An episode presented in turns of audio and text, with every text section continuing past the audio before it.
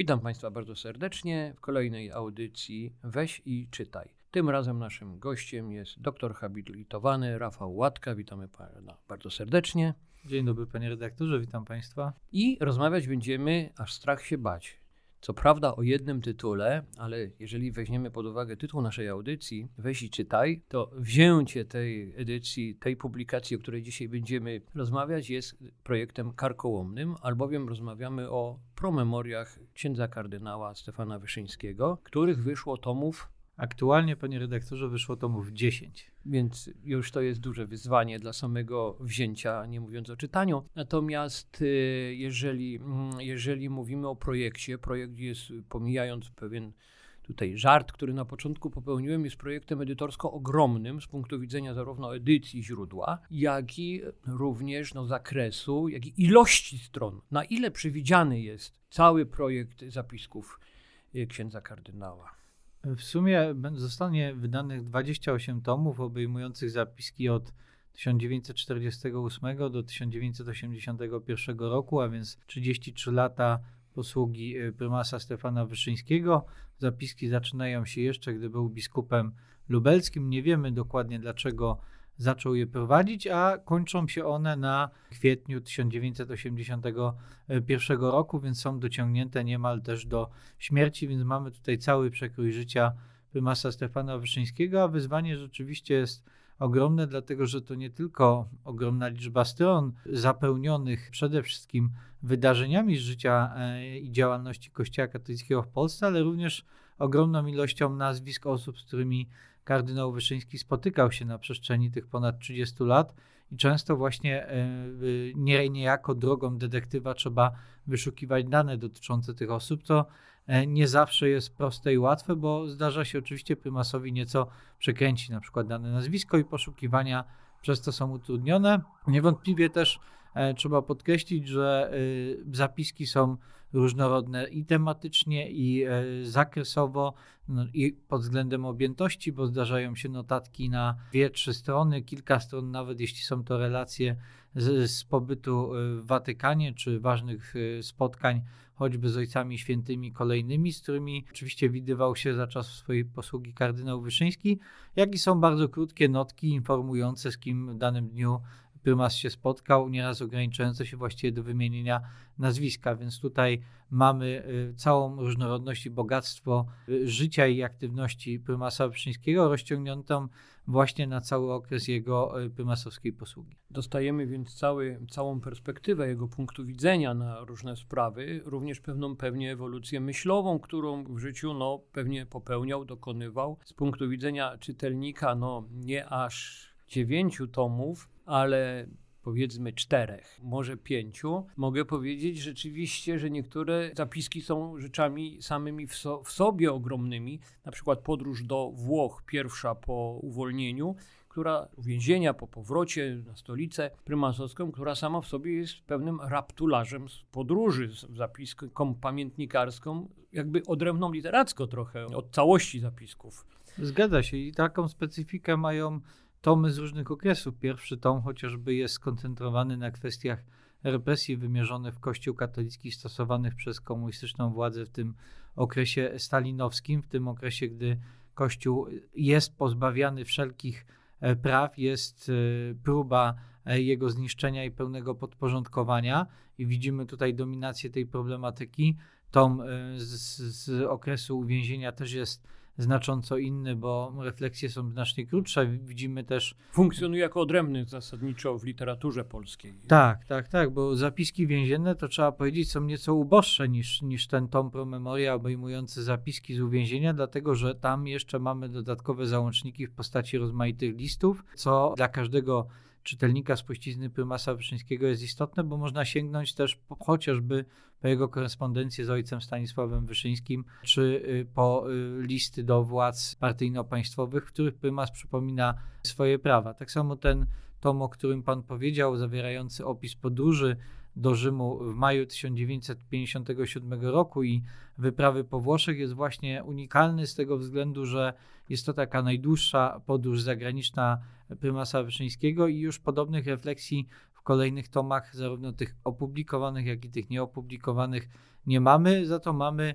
bardziej dogłębnie opisane życie i funkcjonowanie Kościoła w Polsce, bo to trzeba podkreślić, jest najważniejszy niewątpliwie temat, choć oczywiście problemy Kościoła powszechnego też są silnie obecne, no szczególnie jeśli popatrzymy na zapiski z okresu soborowego, gdzie widzimy refleksje nie tylko dotyczące samego przebiegu kolejnych sesji soborowych, ale również takie spostrzeżenia prymasa z y, wydarzeń, spotkań, w których uczestniczył i również stanowiska Kościoła w wybranych sprawach bardzo mocno y, ugruntowane, bo trzeba podkreślić jasno, że prymas Wyszyński był wielkim erudytą, odnosił się do e, wydarzeń nie tylko kościelnych, ale też miał perspektywę taką ogólnoświatową, umiał analizować rzeczywistość społeczno-polityczną i to nie e, z punktu widzenia tylko wybitnego hierarchy, ale też osoby, która patrzy realistycznie chociażby na takie kwestie jak e, zmiany i reformy w Związku Sowieckim, czy podejście Zachodu do państwa, jakim e, było PRL, takie właśnie pełne zrozumienia tego, że Zachód tak naprawdę nie jest zainteresowany głęboką zmianą systemu w państwach podporządkowanych Związkowi Sowieckiemu, więc można powiedzieć, że tutaj prymas jawi się niejako jako bardziej wybitny znawca spraw politycznych niż wielu mu współczesnych ludzi zajmujących się polityką. Tak, to bardzo jest ciekawa uwaga i ciekawe spostrzeżenie. Wiemy i z tych tomów, które jeszcze nie wyszły, ale z tych fragmentów zapisków, które opublikował choćby Peter Reina, widzimy, że był to bardzo twardy również krytyk pewnych elementów polityki, także i prowadzonych z perspektywy Watykanu. Chodzi o politykę wschodnią, gdzie zderzał się z pewnym poglądem i umiał mu się sprzeciwić, przeciwstawić, i to pewnie w zapiskach jeszcze nie opublikowanych, aczkolwiek, tak jak mówię, no, te fragmenty, które są, świadczą o tym, że będzie to kawał politycznej też literatury. Zgadza się, bo prymas Wyszyński oceniał działania w zakresie polityki wschodniej stolicy apostolskiej krytycznie z dystansem, uważając, że podejście dyplomacji watykańskiej jest błędne, bo nie koncentruje się na poszerzaniu praw katolików w państwach podporządkowanych Moskwie czy znajdujących się za żelazną kurtyną, ale w próbach dogadywania się na poziomie politycznym, z czego Kościół nie mógł mieć realnego zysku dla wiernych w tych państwach. I widzimy kolejne etapy tej krytyki, najbardziej silne, szczególnie pod koniec lat 70., tuż przed konklawę, które wybrało kardynała Karola Wojtyłę na papieża. Tutaj ten nacisk na to, by przekazać Ojcu Świętemu rzeczywistość w taki sposób, jak widzi ją e, hierarcha z kraju pod okupacją czy, czy pod y, rządami komunistycznymi. I to skutkuje, rzeczywiście skutkuje tym, że dyplomacji watykańskiej nie udaje się prowadzić stałego przedstawiciela do Polski, o czym, o co zabiegał kardynał wówczas arcybiskup Agostino Casaroli, a szczególnie arcybiskup Podzik, który starał się zostać stałym przedstawicielem stolicy apostolskiej w Warszawie i nie trudno sobie wyobrazić, do czego byłby używany przez komunistyczne władze, które rozgrywałyby przy jego pomocy polski episkopat i prymas temu się bardzo silnie przeciwstawił. Udało mu się doprowadzić do sytuacji, że nuncjatury czy stałego przedstawiciela Watykanu Polsce nie była. W dalszym ciągu to kardynał Wyszyński reprezentował sprawy Kościoła w Polsce. To oczywiście zmieniło się dopiero w 1989 roku, gdy nuncjatura została ustanowiona, gdy mieliśmy już do czynienia z transformacją systemową. Nową rzeczywistością. Ale wracając do samych zapisków, do tego, co w nich ściśle jest, kiedy ksiądz arcybiskup, potem ksiądz kardynał, czy już od czasów lubelskich, czyli ksiądz biskup Wyszyński, bo to są poszczególne etapy też pewne, pewne życia, pisał, to można wyciągnąć na podstawie mm, no, edycji, pracy nad edycją tego źródła obawiał się na przykład tego, że te zapiski będą przejęte przez aparat bezpieczeństwa, przez, przez y, system komunistyczny. Czy, czy gdzieś istnieje takie świadectwo, które widzimy na przykład, iżby się cenzurował? Istnieją świadectwa dokładnie odwrotne. To znaczy, prymas podkreślał bardzo mocno, że wszystko, co robi Kościół, powinno być jawne i trzeba jawnie głosić e, naukę Kościoła i stanowisko Kościoła w sprawach społecznych, z tego względu, jak Wiemy z relacji pań pracujących w Instytucie Prymasowskim, notatki prymasa leżały zawsze na wierzchu na jego biurku. Oczywiście trzeba podkreślić, że są pewne tematy, których prymas nie poruszał lub poruszał w bardzo umiarkowany, oględny sposób i dotyczy to przede wszystkim funkcjonowania kościoła podziemnego w poszczególnych państwach bloku wschodniego, szczególnie w Związku Sowieckim, ale również w Czechosłowacji czy na Węgrzech, bo polski kościół i osobiście prymas Wyszyński świadczyli rozmaitą pomoc kościołowi funkcjonującemu za żelazną kurtyną i w związku z tym tego typu informacji w promemoria znajdziemy bardzo niewiele, czy są one bardzo powściągliwe, chociażby o spotkaniach e, z hierarchami pracującymi za żelazną kurtyną podczas wizyt w Watykanie. To są krótkie notki, specjalnie takie są i nie są wyświetlane sprawy, które w, w, czasie tych rozmów poruszał, bo mogłyby one zaszkodzić Kościołowi w tych poszczególnych państwach bloku. Więc to jest oczywiście jeden z tego typu wyjątków.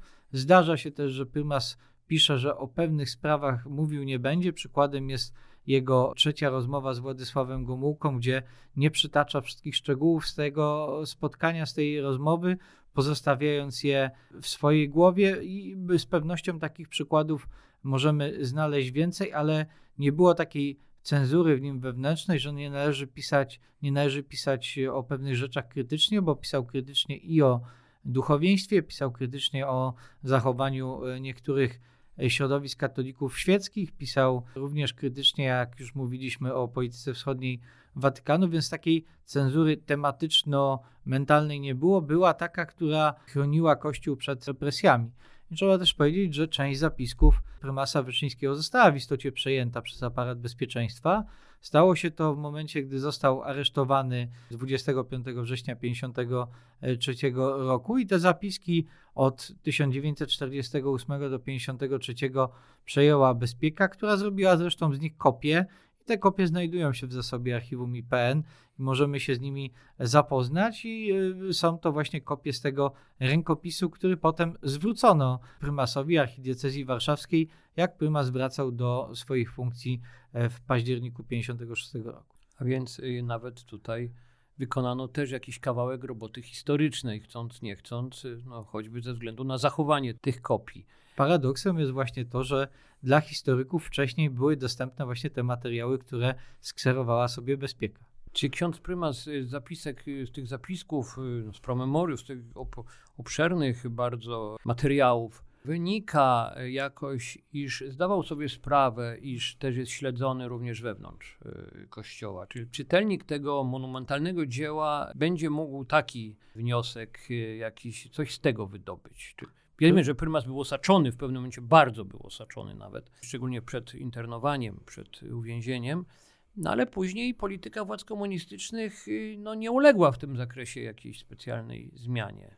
Prymas zdawał sobie sprawę przez cały okres swojej posługi z tego, że jest inwigilowany i że również w środowisku kościoła, czy to wśród duchownych, czy świeckich funkcjonujących w bezpośrednim otoczeniu biskupów znajdują się informatorzy i tajni współpracownicy aparatu bezpieczeństwa, czyni na ten temat refleksję. Wprowadza też odpowiednie przepisy y, wewnętrznego życia Kościoła, mówiące jasno, że nie powinno, nie ma zgody biskupów na jakiekolwiek spotkania tajne księży z przedstawicielami aparatu bezpieczeństwa czy Urzędu do Spraw Wyznań. Jedyne możliwe spotkania dotyczą e, spotkań z oficjalnymi przedstawicielami władz za oficjalnym listem i wezwaniem. Stąd tego typu działania miały chronić duchownych przed podejmowaniem tego typu kontaktów i oczywiście wiemy, że nie uchroniły, bo niektórzy kapłani przekraczali tą granicę, szli na współpracę z różnych bardzo powodów i prymas miał świadomość, że E, udało się aparatowi bezpieczeństwa zwerbować wybranych kapłanów, choć oczywiście tutaj personalia się nie pojawiają. Nie ma tak wprost stwierdzone w niektórych notatkach, że prymas kogoś podejrzewa, czy że uważa, że jest on osobą grającą na dwie strony, czy dwulicową, nieuczciwą. Raczej prymas miał to podejście, by na zewnątrz prezentować się jako osoba, która ufa e, swoim współpracownikom. I skądinąd wiemy, że kwestia chociażby współpracy z aparatem bezpieczeństwa współwięźniów prymasa podczas internowania, tak, tak to, to prymas moim zdaniem miał pełną świadomość, że oni przekazują informacje aparatowi bezpieczeństwa, a zachowywał się w sposób naturalny, tak jakby tego nie było. Potrafił być wobec tych y, ludzi y, człowiekiem takim jak wobec innych, czyli nie, y, nie surowym, nie karzącym ich za to, ale mając jednocześnie świadomość, że nie należy o pewnych rzeczach przy nich mówić i wydaje się, że tutaj analogiczne podejście prezentował przez cały okres posługi, a tylko e, w jego głowie zostały te informacje, kogo podejrzewał e, o współpracę z aparatem bezpieczeństwa. Tu jest o tyle skrajna, że w zapiskach z 1955 roku jak gdyby pozostawił taki, taki ślad, który świadczy o tym, że nie chciałby, iżby ich z tego powodu jakoś spotkały przykrości wewnątrz kościoła. I można powiedzieć, że zarówno księdza Skorodeckiego, jak i siostrę Marię Leonię Graczyk nie spotkały te przykrości, choć siostra Graczyk odeszła z zakonu, a ksiądz Skorodecki, można powiedzieć, robił do pewnego momentu karierę na tym, że był współwięźniem prymasa Wyszyńskiego, ale dzisiaj już nie ma absolutnie żadnych wątpliwości, że był on szkodliwym informatorem aparatu bezpieczeństwa, bardziej szkodliwym jeszcze niż siostra Graczyk, a jego współpraca wcale nie skończyła się z okresem, gdy, przez, y, gdy był więźniem, tylko trwała również dalej w późniejszych latach. Tak, tak. No, przypomnijmy, że siostra Graczyk, o tym wiemy, y, jakoś się tam wewnętrznie z prymasem w pewnym momencie rozliczyła z tego okresu, czyli te, te sprawy zostały między nimi dwojgiem jakoś tam zamknięte czego no, nie mamy takich śladów, y, iż tak było z księdzem Skorodeckim. Ale oczywiście takich rzeczy, mówimy w ramach cyklu Weź i czytaj o bardzo monumentalnej pracy, o książkach, liczbie tomów niebywałej, ale o liczbie wiadomości, zapisków, spojrzeń, tak wieloelementowym dziele, że musielibyśmy tutaj siedzieć pewnie 15 godzin, żeby jakoś, e, jakoś ubrać, jakoś ogarnąć to ciągle jeszcze nieskończone dzieło też nieskończoną publikację. No, nam, nam to nie, czas nie pozwala na to, ale też i e, celem naszego spotkania jest zachęcenie po prostu. Nie jest to lektura łatwa z jednej strony, no bo bardzo szczegółowa, ale z drugiej strony trzeba powiedzieć tak.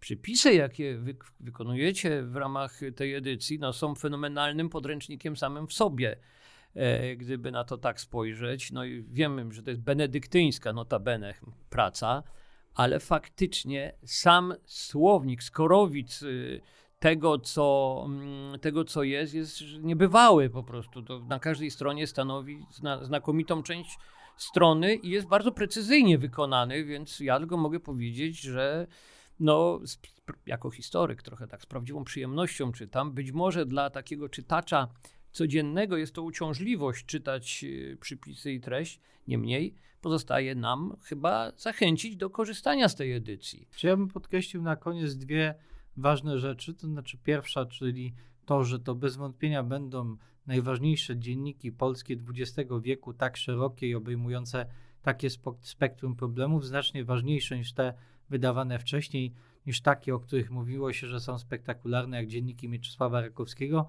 które okazały się sfałszowanymi dziennikami, nie mające wiele wspólnego z dziennikiem, a raczej pracą twórczą ich autora. A druga rzecz, y, tutaj wielki wysiłek redaktora każdego tomu właśnie polega na tym, żeby ten aparat naukowy był możliwie dobrze opracowany, z też z założeniem takim, że minimalizujemy liczbę przypisów, nie zagęszczamy przesadnie tej ilości przypisów, bo można by też komentować każde wydarzenie, które pojawia się na kartach promemoria, ale wtedy w zasadzie trzy czwarte tego tomu to byłyby przypisy tego, y, redaktorzy tego, tych tomów tej serii chcieli uniknąć, stąd te przypisy mają o tyle istotne znaczenie, że mówią o pewnych kluczowych faktach, kluczowych wydarzeniach, przede wszystkim kluczowych osobach, których pojawia się tam tysiące, bo w całej edycji tych przepisów osobowych będą właśnie tysiące i to pokazuje już sam zakres ilości kontaktów, e, które posiadał kardynał Wyszyński. A więc nie pozostaje nic innego, jak na koniec zachęcić, życzyć Państwu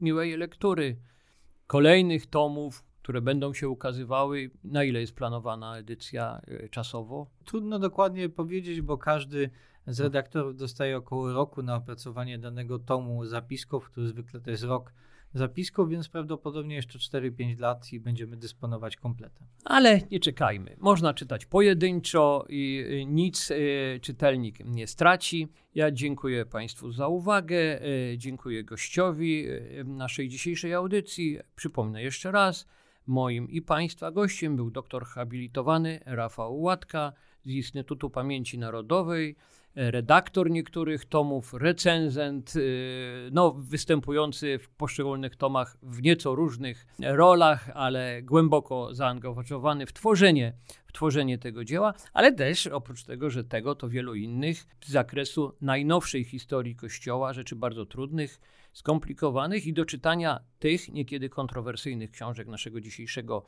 gościa również zachęcamy. Także do usłyszenia. Żegnam Państwa serdecznie. Z tej strony Piotr Sutowicz, a realizację dzisiejszej audycji zawdzięczamy Kalmilowi Latuszkowi i Emilii Bernaciak, jak zwykle z Warszawy. Dziękuję. Bardzo dziękuję. Dziękuję panie redaktorze, dziękuję Państwu.